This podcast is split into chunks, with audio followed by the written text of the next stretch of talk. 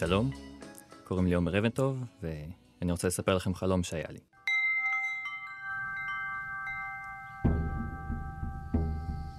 עלמה, חברה מהכיתה שלי, ואני היינו דובים.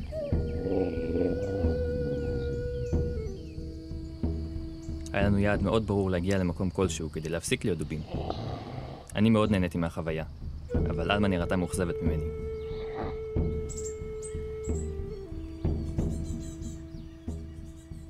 כבר הייתה בעבר גנו, ולא נראה שהתרגשה ממצבה הנוכחי. הלכנו במקום שנראה קצת כמו עיר באזור הררי, עם מחלף גדול וענקי והמון קשרים ומנהרות שנכנסו לתוך ההר. אחר כך ראינו התקהלות גדולה ליד חלון כלשהו.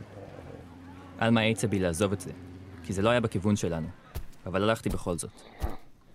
בפנים הייתה אישה ישנה בחדר מלא עשן.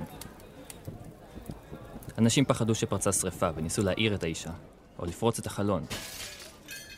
אני השתמשתי בכוח הדוב שלי כדי לתלוש את הסורגים והאדניות שהיו על החלון כך שהוא התפרק לגמרי.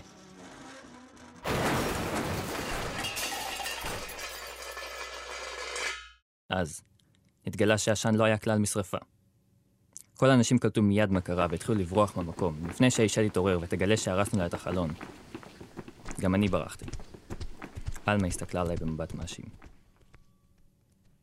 החלום הזה נחלם בתקופה שהקשר ביני ובין עלמה היה חלש יותר, מרוחק יותר. אני חושב שבאיזשהו מקום מדובר ברגשות האשם שלי לגבי ההתרחקות הזאת ולגבי הטעויות שאני עשיתי.